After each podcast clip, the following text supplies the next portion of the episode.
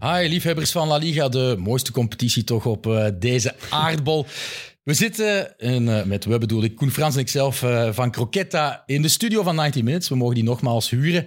En we doen dat om terug te blikken op de 250ste Classico tussen FC Barcelona en Real Madrid in het Bernabeu. Gewonnen door Real. Een pijnlijke nederlaag voor het team van Koen Frans. 3-1. Ja, Koen, Welkom. Ja, dank u. De Drake Curse, had je daar op voorhand al uh, van gehoord? Ik had er al van gehoord. Um, en ik had al een beetje schrik dat Arsenal en uh, wat tijd gegokt op Arsenal in ja, Barcelona. Maar die hebben wel kunnen winnen, hè? Dus... Ja, dus toen dat die wonnen, wist ik, uh, of dat was op hetzelfde moment ongeveer. Mm -hmm. Ja, dan dacht ik, ja, Barça gaat niet goed, uh, niet goed ja, maar het gaat niet alleen over dat gokken, het gaat ook over het shirtje. Hè? Wat vond je daarvan? Dat Spotify niet meer als shirtsponsor op dat shirt stond, maar dan het logo, een uil. Ja, van nu, het logo is van, uh, van een zanger, uh, of, of het logo van Spotify, of van Qatar Airways, of whatever.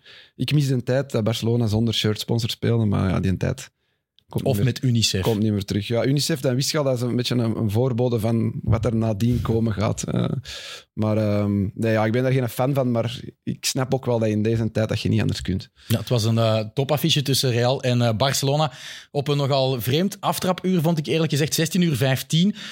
ik heb toch liever een klassico tussen die twee tenoren onder kunstlichten om 9 uur s'avonds. Ja, idealiter, hè? maar ik heb er uh, denk ik twee meegemaakt voor Eleven. En dat was twee keer smiddags om half twee op zaterdag. Dat is ook niet, niet ideaal. Dat is heel vreemd. Dat was dan in zo'n uh, in zo'n winterzonnetje, in, in een half licht en half donker Bernabeu toen.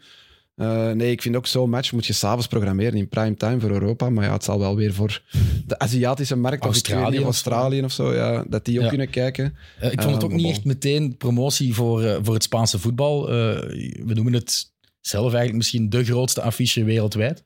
Ja, het is en blijft denk ik de grootste affiche wereldwijd. Elke jonge voetballer, denk ik, droomt ervan om bij Real of Barcelona te spelen. En als je daar dan die match uh, speelt of kan spelen, denk ik dat dat nog altijd op clubniveau op in competitieverband dan, hè, want een Champions League finale en zo staat er uiteraard boven, maar in competitieverband is er volgens ja, maar, mij nergens een wedstrijd van die grootorde. Maar de spektakelwaarde was niet echt je dat, hè? Ja, het zijn ook niet meer, ondanks het feit dat Real eh, de, de regerende allez, Champions League winnaar is, zijn het niet meer die grootmachten van weleer, vind ik. Uh, ik. Ik denk dat misschien naar Manchester City, Liverpool veel intenser, veel, ja, ik weet niet, uh, net iets sneller en hoger niveau is dan, dan de Classico, wat natuurlijk, ja niet echt reclame is voor onze eigen podcast of onze competitie die we volgen. Maar ja, het, het is gewoon de realiteit, denk ik. Je maakt reclame voor Kick en Rush in Croquetta. Maar omdat we hier zitten, hè, dat ja. beetje, ja. is een beetje Pax Media. Hè, voilà. Uh, maar goed, uh, ze verliezen met 3-1. Maar er was wel een moment met die goal van Ferran Torres dat er een aansluitingstreffer werd gemaakt. Geloofde jij toen nog in een puntendeling? Ja, heel even. Omdat ja, Real er eigenlijk niet meer echt veel uitkwam. En, en ik ga niet zeggen dat dat doelpunt in de lucht hing, maar je wist als dat doelpunt valt, dan kan het misschien nog wel. Uh, uiteindelijk is het niet meer echt gebeurd. Het is ook niet echt nog een slotoffensief geweest of zo. Er zijn niet echt nog... Dat, dat komt ook wel omdat ze ja, de man van de slotoffensieven missen op dit moment. Hè. Die is teruggekeerd naar PSV. Hè. Ik bedoel, ah, Luc, Luc de, Jong. Jong. Ja. ja, als je die er nog kan ingooien. Het was wel dat moment eigenlijk om hem erin te gooien. Oh ja, maar het, het, was eigenlijk heel die wedstrijd lang. Had Real zoiets van: ja, doen jullie maar. Jullie mogen de bal hebben. Wij zullen wel uh, op de gepaste momenten uh, tegenprikken en, en ja, domineren eigenlijk. Of nee, controleren zonder te domineren. Zo zou ik het willen omschrijven. En uh, ja, in die slotfase is, is, is dat dan ja, pijnlijk duidelijk dat, dat Barça nog altijd geen plan B heeft. En, en ja, blijft dan op dat balbezit spelen, maar ballen pompen en zo, dat, ja, dat zit er dan niet in. Tegen nog Inter nog wel tijd geluk, aan om te renten, want uh, we hebben ook heel wat vragen eigenlijk ingestuurd gekregen via onze fans en onze volgers op uh, Twitter. Uh, ik ga een paar voorzitten dus trappen en dan moet Koen Frans die maar gewoon binnenkoppen. de eerste vraag die ik wil voorleggen is meteen een pittige, vind ik eerlijk gezegd.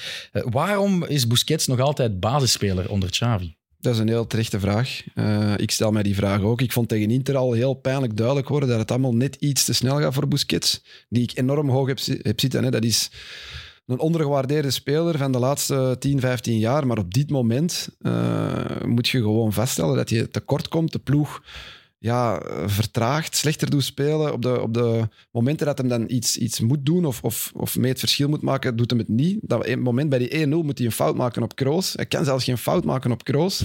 Ja, dat, dat, dat maakt het allemaal wel extra pijnlijk. En ja, dat is dan de aanvoerder. Er werd in de Spaanse kranten al geschreven, vooraf gaat hij spelen, gaat hij niet spelen. Ja, hij speelt dan en... Ja, ik had hem er tijdens de rust al afgehaald. Hij is er aan afgehaald, minuut 60, denk ik, voor, voor Gavi. Ja. Wat ook al een soort... Ja, wissel aan de macht is. Maar, Maar dan Ja, komt. Frenkie de Jong wel op zijn positie en die doet het eigenlijk ook niet voortreffelijk. Hè? nee, oké, maar Frenkie zou eens gewoon tien matchen op die plek mo- moeten blijven staan. Als hij altijd zomaar eens een keer mag meedoen. Nu ook, hij mag dan wel starten en hij mag die hele match eh, spelen, maar ja, dat is, dat is, er zit niet genoeg ja, continuïteit in. En, en Busquets mag, ja, als het erop aankomt, staat hij er altijd in. Hoewel ik nu de vraag stel wat hij gaat blijven Ja, spelen. ze hebben nog een middenvelder hè, en die wordt bijna niet gebruikt. Dan heb ik het over Livriaan, die van eh, Milan kwam. Kessier, Kessier. Ja. Dat is een heel ander type natuurlijk. Misschien, misschien Dynamischer type. Hè? En in het moderne voetbal kan je dat wel gebruiken. En Busquets is misschien een soort anachronisme. Ehm, hij staat nog altijd wel op dat veld, maar eigenlijk Ja, is zijn beste ook, tijd vijf ja. jaar terug. Hè? Ja, ja, tuurlijk. En, en ik heb eh, in, in verschillende podcasts hiervoor al gezegd, ja, Piqué kan niet meer mee, Alba kan niet meer mee, Sergio Roberto, wat doet hij daar zelfs nog? Maar Busquets komt nu echt ook wel gewoon in die rij en die mannen moeten eruit, want die, kunnen niet is meer wel mee niet te beroerd om het sentiment te vergeten. Hè? Want hij heeft al Piqué ja, naar de bank verwezen. Die is dan wel teruggekeerd door al dat blessure leed. Jordi Alba ook niet meer zeker van zijn plek als linksachter. Dus, dus. Busquets gaat wel volgen. Ik denk het wel, ja, op termijn. Eh, het, zijn, zijn de kapiteins, hè. het zijn de vier kapiteins die ik daar net opnoemde, maar ja, dat is gewoon omdat dat nog mannen van het huis zijn, eh, oud-gedienden, Catalanen, ehm, maar eigenlijk, ja, de, de, dat is inderdaad meer een soort romantiek nog dat die daar zijn en, en, en een soort uithangbord zijn, maar eigenlijk zijn dat niet meer de dragende mannen van die ploeg. Piqué tegen Inter was echt pijnlijk, hè. nog vele malen pijnlijker dan wat Busquets in die voorbije twee wedstrijden heeft Ja, laten dat zien. was echt wel meme-materiaal natuurlijk, dat met die armen wijd Ja, maar hij deed het twee keer hè, in één match. Bij de eerste kans van Inter, denk Jaco onderkant lat, doet hij het ook. Hè. Hij doet dat twee keer in één match. Dat is echt redelijk ongezien op dat niveau. Maar dat zijn eigenlijk dus op dit moment geen Barça-waardige spelers meer. Nee, Zelfs is, Busquets, want dat is wel moeilijk om dat uit te spreken. dat is heel moeilijk. Dat is heel erg. Die mannen hebben twee trebles gewonnen, maar ja, dat, dat is gewoon nu een gegeven die in een tijd is gekomen. En hoe komt dat? Ja, geen idee. Ligt dat aan de manier van voetballen? Ligt dat aan die gasten zelf? Want bij de tegenpartij, bij Real Madrid, heb je er ook zo'n paar. En die spelen wel nog op een heel hoog niveau. Ja. Kroos en Modric waren... Die zijn nog niet rijp voor het bejaardentehuis. Nee, absoluut niet. Dat waren gewoon in mijn ogen bij de besten op het veld nog. Kroos is nu ook niet zo oud, hè, maar Moeten we dan niet meer kijken naar een diepgaander probleem? Naar gewoon Ancelotti en Xavi. En Xavi is dan de minste coach van de twee. Want ja, duidelijk. iedereen dacht, oh, hij is de second coming van Pep Guardiola. Maar, maar zover is het nooit gekomen. Hè? Ja, het is ook nog wat vroeg om, da- om daarover te Vroeg oordelen. 50 wedstrijden al gecoacht. Hè? Guardiola had ook Prime Messi onder zich, wat ook wel natuurlijk veel doet. Dat is een goal of 60, 70 die je gewoon erbij krijgt. Ehm, maar ja, het is, het, is, eh, het is wel een gegeven dat, dat, ik vind dat hij heel naïef aan die match is begonnen. Eigenlijk kon je voorspellen wat er, wat er ging gebeuren. Barça ging de bal hebben, Real Madrid ging een paar keer tegenprikken. Ik had nu wel niet gedacht dat ze met hun twee enige kansen voor de rust twee keer... Het is wel dus hyper efficiënt hè, wat dat Real Madrid heeft gedaan. Maar nadien Vaak, hè? controleren ze die match gewoon. Ja, maar ik, ik denk dat dat ook gewoon de tactiek is van Ancelotti. Waarom zouden ze ook anders spelen? Het hoeft niet. Ze kunnen Barcelona laten komen en zelf op de juiste momenten tegenprikken en ze kunnen zo die klassico's winnen. Ja, dan, dan moet je niet Ja, maar dan moet de aanpassen. trainer van de tegenpartij Een nadenken. Ja, hè? En afstappen van zijn filosofie misschien. En dat is nu wel wat er ook in eh, de Catalaanse kranten wordt geschreven. En ja, Xavi, ehm, je weet dat je op deze manier waarschijnlijk die klassico's niet gaat winnen en dat je tekort gaat komen tegen een ploeg als Real Madrid. Tekort komt tegen ploegen als Inter zelfs, die ik eigenlijk totaal niet goed vond in die twee wedstrijden. En dat, dat maakt het wel pijnlijk natuurlijk, want hij heeft nu wel een goede ploeg. Hè. Als, je die, als je die elf namen ziet, oké, er zijn geblesseerden, waardoor dat Mhm. Eric Garcia, Balde... eh, Maar de naakte cijfers zijn wel verschrikkelijk voor Xavi. Hè? Want het was nu zijn elfde nederlaag in die 50 duels als coach. Slechter dan Koeman. Ja, hè? slechter dan Koeman. Even slecht als Lorenzo Sarra Ferrer. Bijna zo slecht als eh Cruyff rechterhand en Messi overtuiger. Want iedereen kent het verhaal met het servietje dat ondertekend werd Ja. door eh, Messi en eh, Carles eh Resac. Dus ja, en je hebt het al aangehaald tegen die elite teams. Bayern tegen Inter, tegen Real. Tegen Inter misschien niet altijd gekregen wat ze misschien hadden verdiend. Maar het is wel te weinig. Hè? Maar tegen Bayern en Real ook niet. Ik heb eens de, de XG, de expected Ja. goals, gecheckt. Ja, ze hebben vijf matchen niet gewonnen dit seizoen. Tegen Rayo op speeldag 1, dan Bayern, twee keer Inter en nu Real. Ze hebben altijd een hogere XG dan de tegenstander. Ze creëren nog wel kansen. Die ene kans in de eerste helft, dat Lewandowski mist, ja, die mag je die volgens mij 100 keer geven en die scoort die 98 Ja. En nu scoort hij die niet. En op Bayern heeft hij er ook zo'n paar gehad. En tegen Inter is het onbegrijpelijk dat je eigenlijk maar 1 op 6 pakt. Maar ja, het is wel een dieper liggend probleem, denk ik. Maar mag er dan Het is- het is getwijfeld pech. worden aan de positie van Xavi? Of dat helemaal? Nee, nee, want ik denk dat, dat, dat het verleden heeft uitgewezen dat gewoon wisselen van trainer eh, bij zo'n instituut als Barcelona ook niet, niet, niet ja, hoe zeg je dat, zaligmakend of heiligmakend is. Zoden aan de dijk heeft Ja, en zien aan Man United ook. Die proberen het ook constant met andere coaches, maar die problemen blijven gewoon. We kregen ook nog een vraag van een vriend van de show, Juan Benjomea. Die zei, ja, eh, moet Barcelona achteraf bekeken niet spijt hebben dat Bartomeu Ernesto Valverde heeft ontslagen? Dat gaat wel heel ver terug. Ja, Maar kan je dat, dat moment, hoe ja. ver Barça zou staan op dit moment als, als, hij was als hij was gebleven? En dezelfde transfers zijn gebeurd. Hè? Want dan moet Nee, dat, dat, nee dat, dat kan je niet. Nee. Dat, is, dat is onmogelijk. Maar ja, dat, dat er de voorbije twee jaar niks is gebeurd of geen echte vooruitgang is ge- geboekt, dat, dat is wel ja, pijnlijk om vast te stellen. Vind ik. Ja. Eh, Valverde is ontslagen toen, toen Barcelona eerste stond in La Liga. En we stonden vorige week eerst en nu maar staan het we terug. spel was dan te saai, te Ja, want ik, heb die, ik weet zeker dat ik je hier in deze podcast eh, veelvuldig heb afgebroken. Terwijl zijn spel Maar- nu met Athletic Club de Bilbao helemaal niet saai en In, voorspelbaar. in retrospect zaten we toen nog in een zeer verwende situatie als Barça-supporters, want we wonnen nog regelmatig trofeeën en zo. Dat, dat is gewoon nu niet meer. En dan moet je gewoon blij zijn, ook al speelt je met slecht voetbal, of ook al speelt je slecht voetbal, als je eerst staat en nog kans maakt op een titel. Ik denk ook niet dat er ene Real-supporter droevig is of kwaad is dat Real op, op deze, ja, hoe moet ik zeggen, zakelijke manier matchen wint en trofeeën wint. Dat, dat, dat boeit echt niet. Hè? Allee, Nee, ja. Voor een Barça-fan is dat altijd wat gevoeliger. is iets moet- meer resultaatvoetbal. Vooral in de clashes met moeilijkere tegenstanders doen ze dat. Want maar er zijn ook wel wedstrijden Ja. waar Vinicius en Rodrigo en Benzema ook wel een soort tiki-taka kunnen spelen. Hè, en Nu, vlot nu ook, hè. combineren. ik wil hier echt niks afdoen aan de prestatie van Real Madrid. Die, die spelen eigenlijk zonder echt te moeten shinen, spelen die de perfecte Classico tegen dit Barcelona. Omdat ze ook weten dat Barcelona hoogstwaarschijnlijk op deze manier ging spelen. Dus ja, dat, dat, dat zijn complimenten voor Ancelotti, maar dat zijn uiteraard ook ja, minpunten voor Xavi. Hij is, hij is, het is te voorspelbaar, het is te statisch. Barcelona speelt vanuit een soort idee dat, dat niet meer in het moderne voetbal Het past. breien, hè. De- Ja. maar het breien zonder diepgang. Hè. En de meest frappante actie vond ik dan Frenkie de Jong, die ergens in de eerste helft in zijn gekende stijl, bal aan de voet, beetje zoals Fede Valverde, oprukt. En iedereen moet wijken, maar dan komt hij in de buurt van het 16 meter gebied en dan denkt hij, ja, maar dit mag eigenlijk niet volgens de filosofie en volgens het club DNA. heb die dus terug. ik heb die terug Ja. en legt hij de bal achteruit. Ja, het, zijn veel risicoloze paasjes. Om, om, ja, ze hebben dan meer balbezit en uiteindelijk hebben ze ook meer kansen. Maar als het er echt op aankomt, die, die, die momenten die je moet grijpen, ja, die grijpen ze niet. Dan kappen ze nog eens terug. Of dan, Mhm. ja. En ik vind vooral ook, en dat heb je met Vinicius enorm hard, en dat zou Ousmane Dembélé ook moeten kunnen, is diepgang. Zorgen voor diepgang. En ja, De- Dembélé en, en Rafinha die staan vaak gewoon tegen hun lijn stil te wachten op een bal in de voet. En ja, Terwijl Vinicius zonder bal ook heel, heel de tijd in beweging is. ook daar, dat kunt gokken, Xavi aan. Allee, wie zet er nu Sergio Roberto tegen Vinicius? Ja, Dat is toch, Ja, Xavi. ja, dat is toch gewoon super dom, of niet? Ja, misschien rekende hij eh, op, Maar die was, eh, na tien op minuten was opnieuw een wonderavond voor, eh, of wondernamiddag voor Marc-André Ter Stegen. Want ik heb ook wel één positieve statistiek voor heel Barcelona. Hij heeft al 3,7 gemaakte goals eh, gestopt. eh, Dat dit is nog altijd de minst gepasseerde doelman in La Liga. hè. Nu 4 Ja. vier in 9, maar ja. Maar je kan niet zeggen dat Er geen tweede. problemen zijn in de defensie bij Nee, Barcelona. nee. Maar ze hebben daar ook wel pech, vind ik, met blessures. hè. Piqué moet spelen tegen Inter. Dat is omdat ja, zowat alle centrale verdedigers geblesseerd Ja. waren. Ja, nu komt Koundé terug. Ik vond dat nog de beste verdediger en die heeft weken niet gespeeld. Dus dat is echt pijnlijk voor al die andere Ja, het verdedigers. contrast met Eric Garcia was ook wel groot. Gigantisch, ja. En dan mis je je allerbeste, mist je nog, dat is Araujo.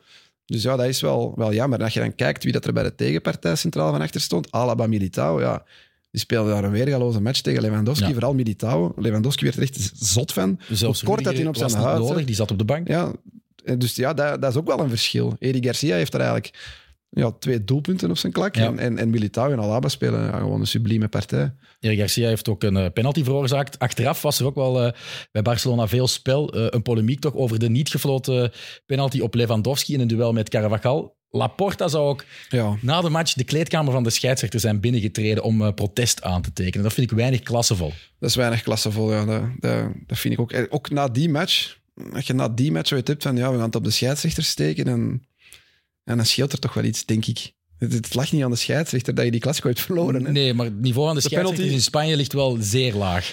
Ja, en er is vooral geen, geen, Geen consequentie, nee. Ja, er is geen lijn te trekken. Hè, want, want de penalty die Lewandowski niet krijgt, was heel vergelijkbaar met een afgekeurde goal van Morata een dag voordien Ja. op Athletic Club.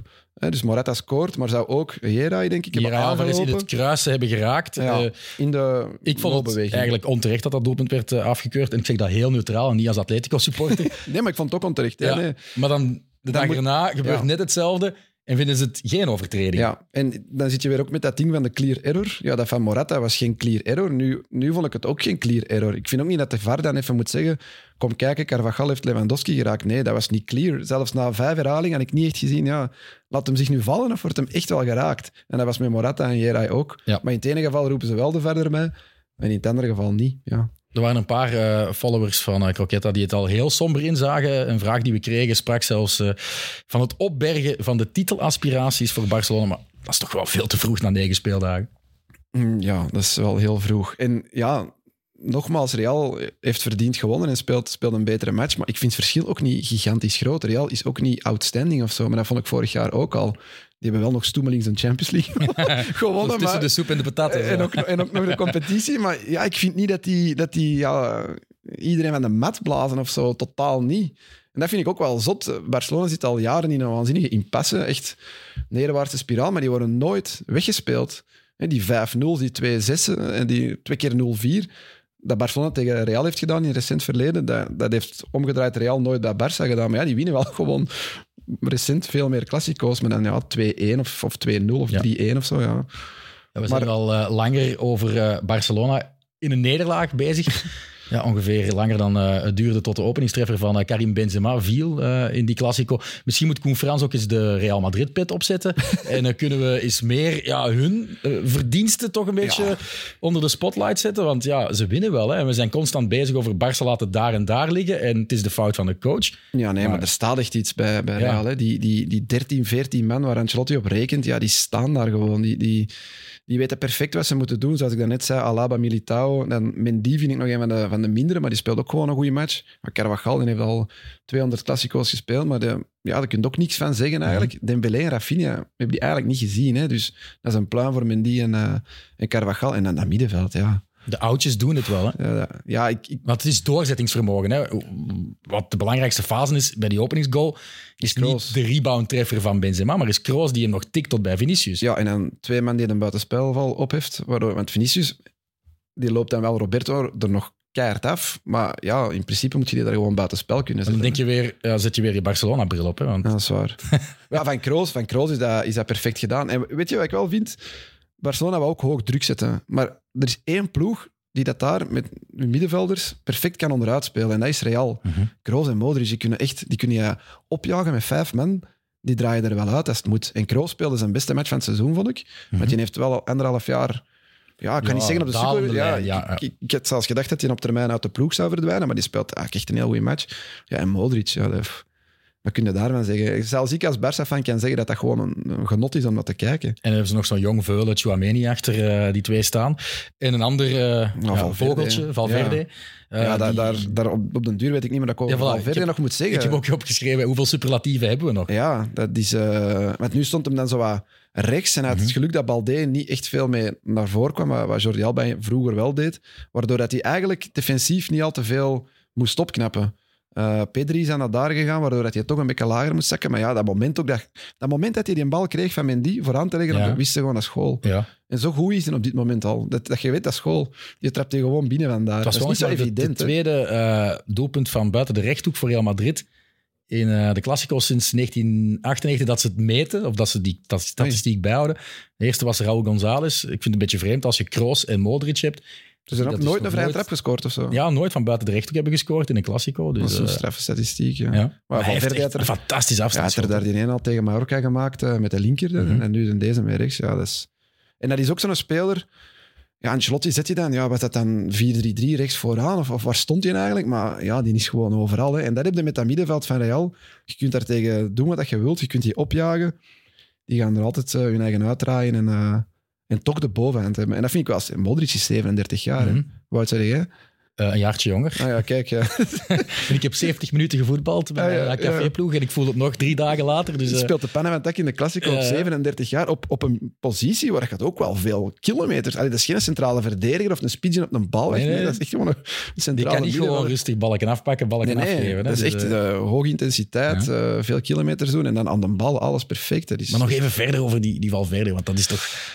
Ja, dat is volgens mij een, eh, een, een ondergewaardeerde speler Ja. buiten Spanje. Want ondertussen, iedereen in Spanje weet al wat voor een ongelofelijke speler Mhm. dat is. Maar ik denk, als je- als je die niet wekelijks ziet spelen, is dat wel ja, Valverde. Ja, juist, die speelt. Ah, die scoort in de Classico. Maar ja, dat is eigenlijk gewoon een van die beste spelers op dit moment. Hè. Ja. Misschien wel hun beste. En gaat hij ook Uruguay naar eh, ja, een hoger niveau krijgen op Ja, die hebben wel een vrij deftige ploeg, denk ik. Hè. Nog meer Araujo van achter. Dat is eh, eigenlijk ook raar. Dat is ook zo'n mini-landje hè, in Zuid-Amerika. 3 miljoen inwoners. Ja, en ik weet dat Maxi. Gomez vroeger bij Celta de Vigo, nu bij Trabzonspor, zei van ja, onder elke steen in Uruguay vind je een goede middenvelder. Dus, eh, ja, dat Wie heb je nog op wel. middenveld? Bentancur. Ja. Eh, er zullen nog een paar zijn Ja. die, die ons nu ontsnappen, maar Torreira is ook een Uruguay. Torreira is ook een Ja. Uruguayaan, ja.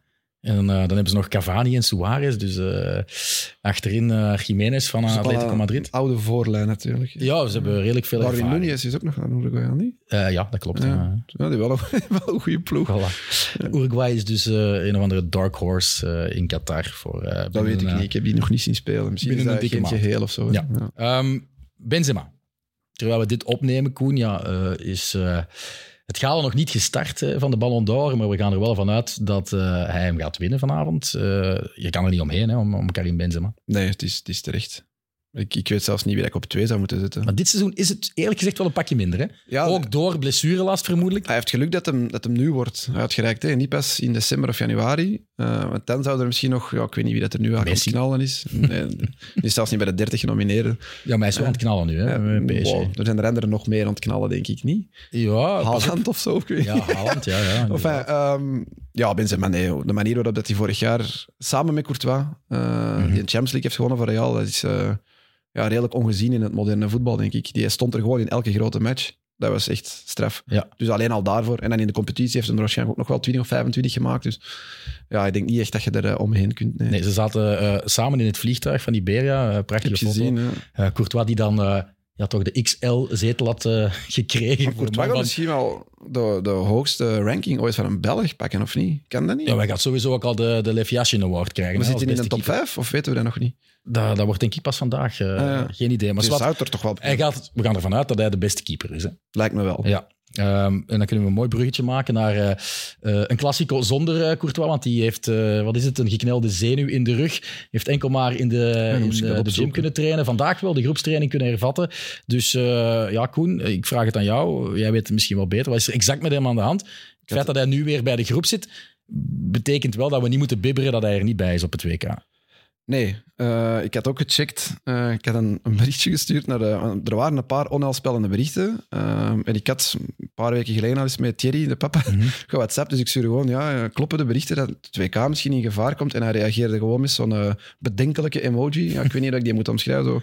Dus nee. Dus de komt- Ancelotti-emoji met nee, de wenkbrauw. D, nee. een andere. Een andere. Maar nee, het komt, het komt goed. Hè? Dus ik, ik had het opgezocht. Het is blijkbaar aan het sacro-iliacale gewricht een ontsteking. Ehm, wat denk ik tussen het eh, bekken en uw eh, heiligbeen of zoiets. Ja, ik heb daar straks echt allemaal opgezocht. Ik heb dat bij mijn, bij mijn persoonlijke osteopaten ook gecheckt. En dat is in principe drie, vier weken niks doen. Dus hij heeft nu, eh, denk ik, op de kop twee weken niks gedaan. Of tweeënhalf. Dus ik denk, ja, nu terug training hervatten. Ik denk dat hij deze week nog niet gaat spelen. Misschien in het weekend. Maar ja, het WK is pas binnen een maand, dus... Maar, en dat zei die osteopaten erbij, dat is wel iets dat vaak kan terugkeren. Zeker als je te vroeg terug begint te spelen. Dus ik hoop dat hem nu luistert en niet te snel gaat spelen, zodat we die hebben op het WK. Want ik denk wel dat dat voor ons cruciaal is. Ja. Dat Courtois... En ik Mocht zou ook nu... Mocht het nodig zijn om misschien zo de eerste twee matchen met Mignolet af te haspelen, Dat zou ook not, geen ramp zijn. Op dit moment zou dat ook geen ramp zijn. Maar ehm, ja, nee, toch de allerbeste Courtois die vorig jaar mee in de Champions League heeft gewonnen. Dat is toch wel nog, nog net een tikkel hoger dan, dan Mignolet. Wat eigenlijk absurd is om nu te zeggen, want Mignolet speelt onwaarschijnlijk straf. Maar ehm, zou, het zou wel in orde komen, denk Mhm. ik. Ik zou ook geen risico niet meer pakken. Moest ik, ze zijn al geplaatst, denk ik, in de Champions League. Ik denk zelfs al zeker van groepswinst, dat weet ik niet. Eh, en in de competitie krijgen ze nu een paar makkelijke matchen. Dus ja, waarom zou die risico's moeten pakken nu? Ja. Dat WK is toch voor hem en voor ons belangrijker. Zeg nog eens één keer de, de juiste benaming van het probleem dat hij heeft. Oh, dan moet ik dat weer opzoeken. Ik vind dat wel geweldig, hoe dokter Frans dit allemaal deskundig uitlegt. Ja, dat moeten opzoeken. Ik ken daar ook niks van. Hè. Ja, maar je leest gewoon zo, zenuwpijn, dit, dat. Wat is dat juist? Een Want zou hernia is van niet, hè, want dat zou ja, grotere van- problemen Van hebben. een hernia kun je dat ook wel krijgen, die zenuwpijn. Maar dat is blijkbaar uitgesloten dat het van een hernia komt. Ja, als hij een hernia heeft, dan, dan denk ik niet dat hij vandaag al op een trainingsveld had gestaan. En zelfs in het vliegtuig had gezeten, dat weet Ja. ik niet. Uh, dus een echte medische diagnosticus ben je niet, maar kan je misschien wel een diagnose stellen wat het betekent ja, het feit dat Barcelona hoogstwaarschijnlijk in de Champions League eruit ligt voor hun financiële toestand. Want dat was wel nodig, hè, ah.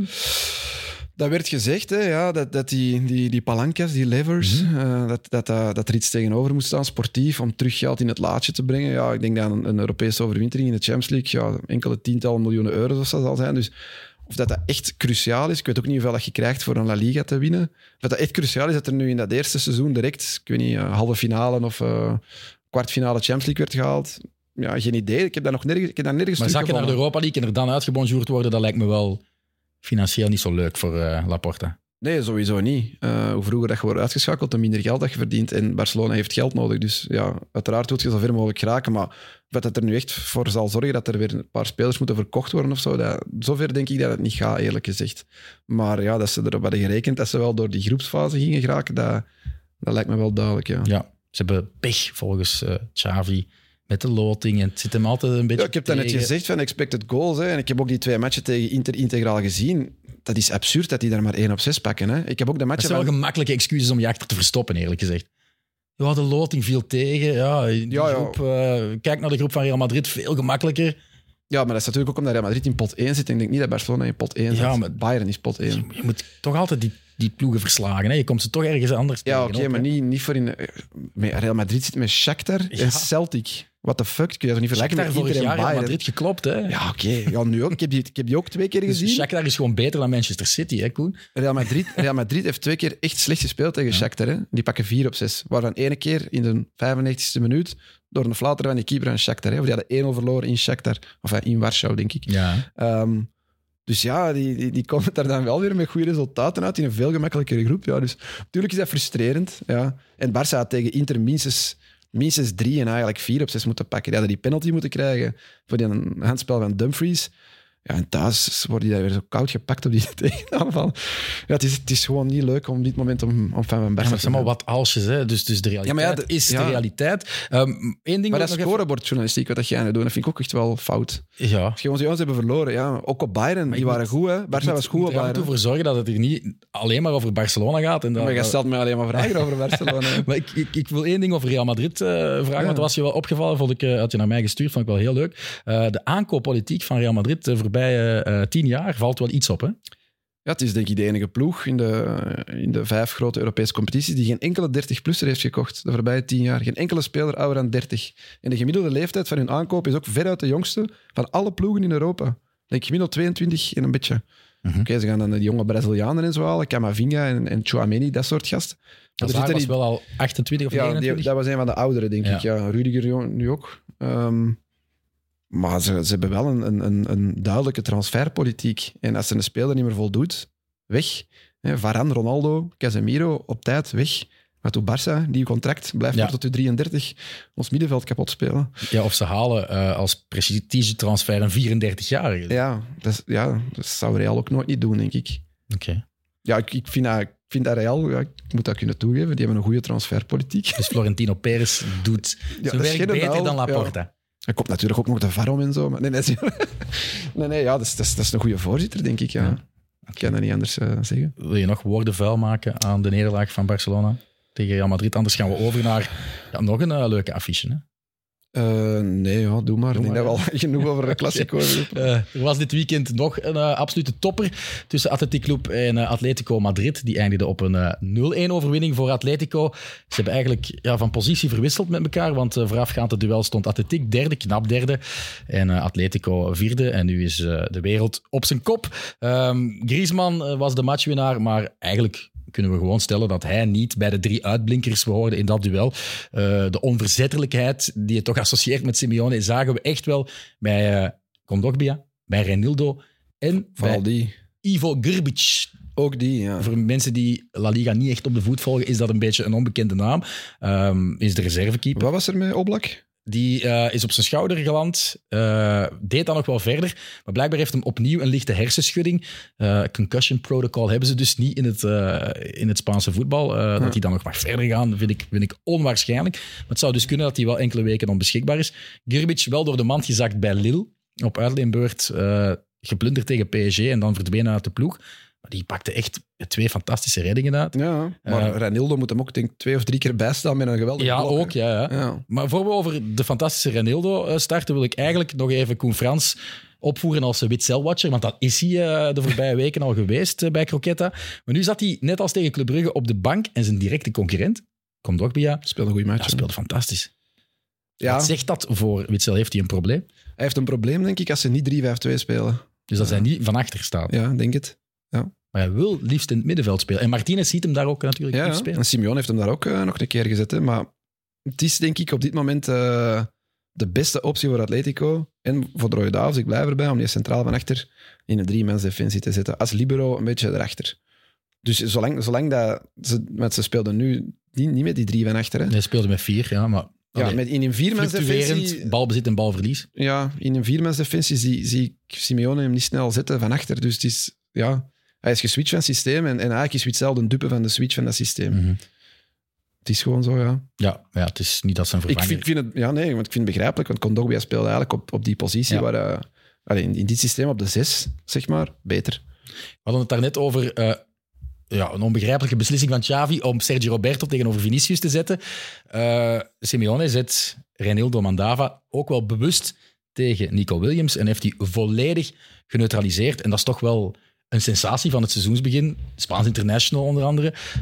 Ah, Nico Williams. Ik dacht Ja, dat Ranildo is een. Mozambicaan, dat kan Ja, niet. Maar het is gewoon echt wel knap gezien van, eh, van Simeone. En die kwam er gewoon weg niet aan te pas. Ehm, je had het al gezegd, dat was ook bepalend met die geblokte ballen om zijn doelman bij te staan. Deed een mignoletje. In het absolute slot stopte Ja. hij een bal met het, eh, het hoofd. Kreeg wel een penalty voor. Ja, Tegen? maar de VAR heeft terecht gezegd dat dat onterecht was. Ehm, ik heb ook statistieken voor Renildo Mandava. Eerst voor ik aan die statistieken begin, nog eens eh, onze excuses. En vooral die van mij, want ik heb die volledig afgebrand eh, na zijn overgang van, eh, van Lille ook. Oh, die Ehm, takkel vorig jaar. ja, dat was tegen Ja. Valencia, denk ik, waar hij rood moest krijgen, maar geen rood kreeg. Rood kreeg. En, de scheidsrechter daarna zei van ja, Ja. rood is eigenlijk te veel, terwijl het 100% rood was. Ehm, maar sindsdien, ja, hij doet alleen maar goede dingen. Het is de ene, andere, ja, 9, 8 op 10, 9 op 10 prestatie. En dit was wel echt Maar het is puur, het is niet voetbaltechnisch of zo. Hè? Nee, het, is- dat de statistieken die ik ga oplijsten, Ah, ja. zijn alleen maar defensief. Hè? Want Ah, ja, dat is misschien wel Dat dacht ik al. een kleine smet op zijn prestatie, is dat hij offensief weinig bijbrengt. Ja, maar dat hoeft ook niet echt. Denk. Nee, maar hij is de leider qua eh, gewonnen tackles in La Liga. Hij is de tweede qua meeste duels gewonnen. Heeft de tweede meeste ballen gerecupereerd en de derde meeste intercepties. Dan is er één hamvraag voor Koen Frans. Zou je de Mozambicaan bij Barcelona willen? Eh, als linksachter dan, of wat? Ja, of als één van de drie centrale verdedigers. Want zij speelt ook wel af en toe als eh, derde centrale verdediger. Hmm. Ik zou zeggen, dat, dat hoort niet bij Barça, hoe dat hij voetbalt. En, en zijn, zijn zeer agressieve manier van verdedigen. Maar, eh, Langs ja, de andere kant, Araujo geef je daar wel complimenten voor. Maar dat, is niet, dat is niet zoals Reinildo. Dat is verfijndere agressie. Dat is verfijnde niet. Nee, ja, ja, nee eigenlijk, eigenlijk zou ik moeten zeggen ja. Ik zou blind moeten zeggen ja, want Ja. Er, is een probleem op, eh, op linksback. Dus ja, ja, doe maar ja. Oké. Brengen. En voilà. Ja. Eh, dat gaat niet gebeuren, hoop ik. Eh, ik kan nog eens de scorebordjournalist spelen, want Atletico pakt nu in La Liga 9 op 9, is tot op drie punten genaderd van FC Barcelona. Ehm, dan is het toch heel bizar dat er stemmen zijn die schreeuwen om het vertrek van Simeone. Ja, daar zal die Champions League-campagne wel voor iets tussen zitten, denk ik. Die zitten Dus nu ze wel... kunnen nog tweede worden. Hè, Ja, oké, maar die zitten nu wel ook echt... Allee, alle respect voor Club Brugge, maar dat is wel een, een vrij gemakkelijke groep. Eh, als je bij Club Brugge, Leverkusen en Porto zit en je staat na vier speeldagen op drie punten... Mhm. Nee, vier punten. Vier Ze hebben gelijk gespeeld, ja.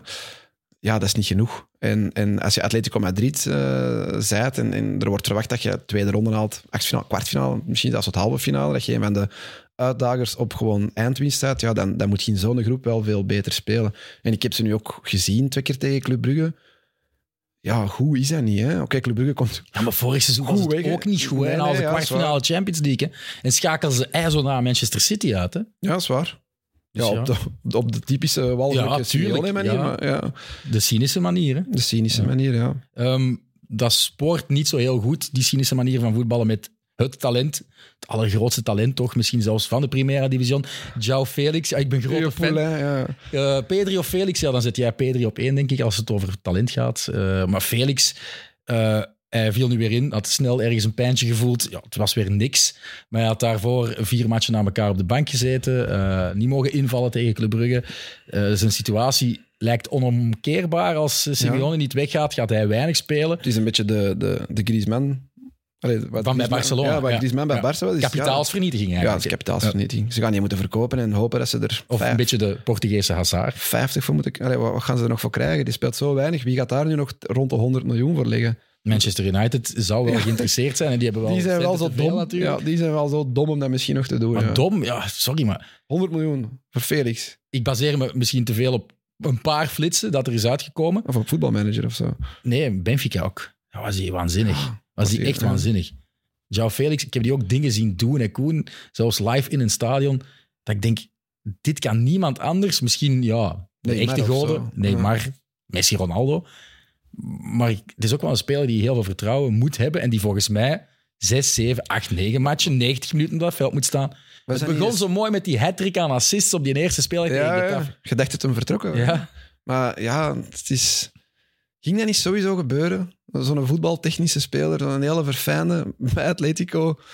Oh, het is geen match. Ik, Ja, ik schrik daar doe je alsof het alleen maar houthakkers zijn Nee, bij, maar- bij Atletico. Dit is toch een ander... Ja, ik weet niet. Wil dat echt mee in de loopgraven als dat moet? Wat Griezmann wel bijvoorbeeld doet. Dat is echt eh, een vechter Ja, maar moet. Griezmann is Felix daar ook voor geboren, hè, om op het vuile werk op te knappen. Ja, Soms te veel. Maar dat verwacht Simeone waarschijnlijk ook van Felix. Dat verwacht hij gewoon van elke speler in die ploeg. En, en Felix zal dat waarschijnlijk niet voldoende doen. En daardoor krijgt hij minder en minder kans. En als hij dan zijn kans krijgt, ja, dan grijpt hem ze ook niet. Dus Nee, oké. het, is, ja, het is inderdaad... Ik denk dat hij in januari verkocht wordt als er een zotte club dat wil betalen. Ja.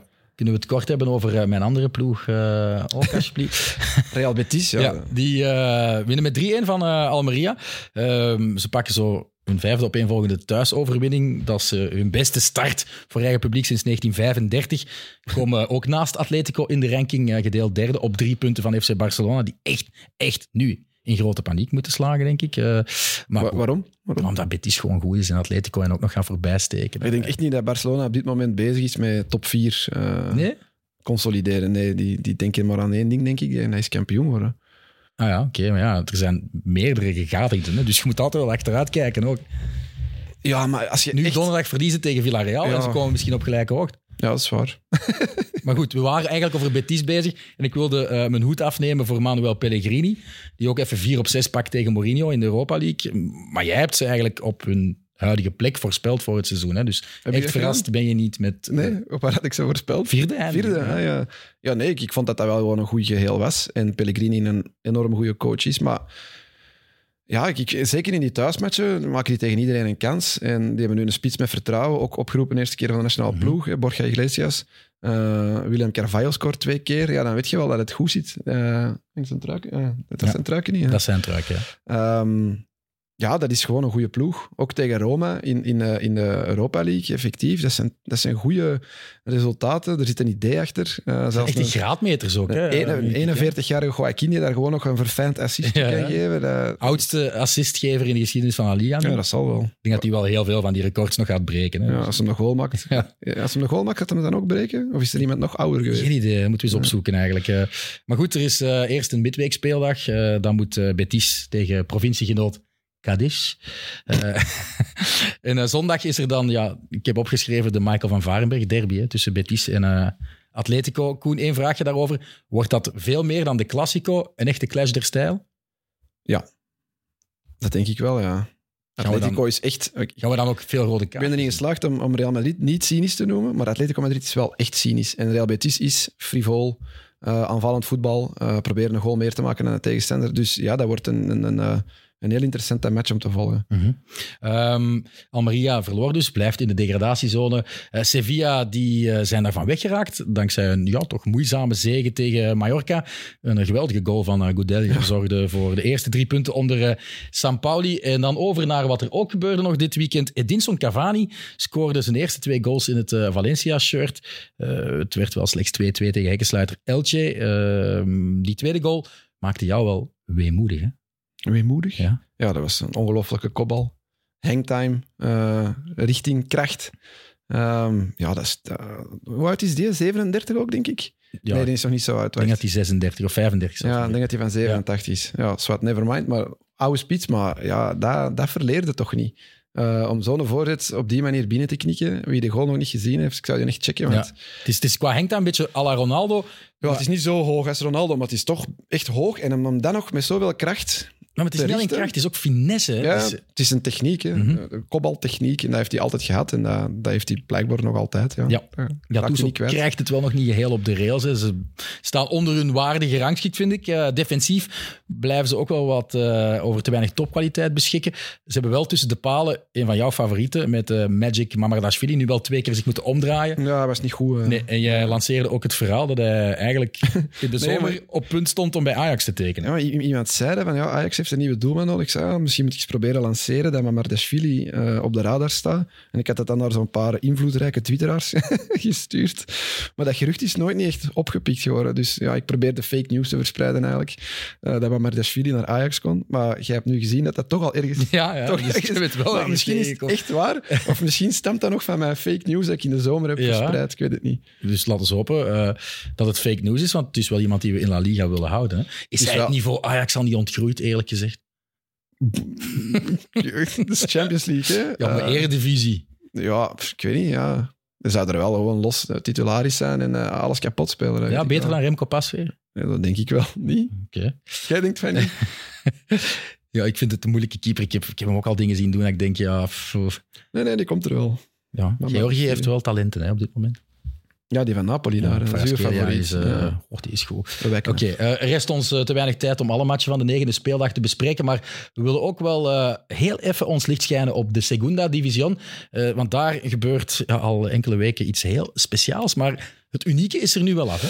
Ja, ik was, ik was gisteren beroepsmatig op Beerschot. En tot mijn grote droefnis zag ik dat de Burgos een tegengoal had geslikt eerste tegengoal in 11 matchen. En in minuut 94. En ik ging dan kijken... Uh, maar hoeveel hebben ze er zelf gescoord? Want dat is eigenlijk ook nog het frappante. Tot, tot dan 7. Dus op dat moment, in minuut 94, wordt het 1-1 tegen Hekkensluiter Mirandes. Mm -hmm. uh, en dat was het doelsaldo na 11 matchen virtueel 7-1. Wat leuke was dat er 14 minuten blessuretijd uh, waren en Burgos nog gescoord heeft. 14 minuten? Ja, Burgos heeft gescoord in minuut 102, ja. de 2-1, met 10 tegen 11. Um, en de doelman van Burgos, de eerste doelman, is nog altijd ongeslagen, want hij had rood. Dus op het moment dat die goal ah, valt, okay. was de reserve doelman. En ik ben dan gaan checken wat voor een goal dat, dat was. En dat was een indraaiende voorzet. Dat was niet eens een schot op doel.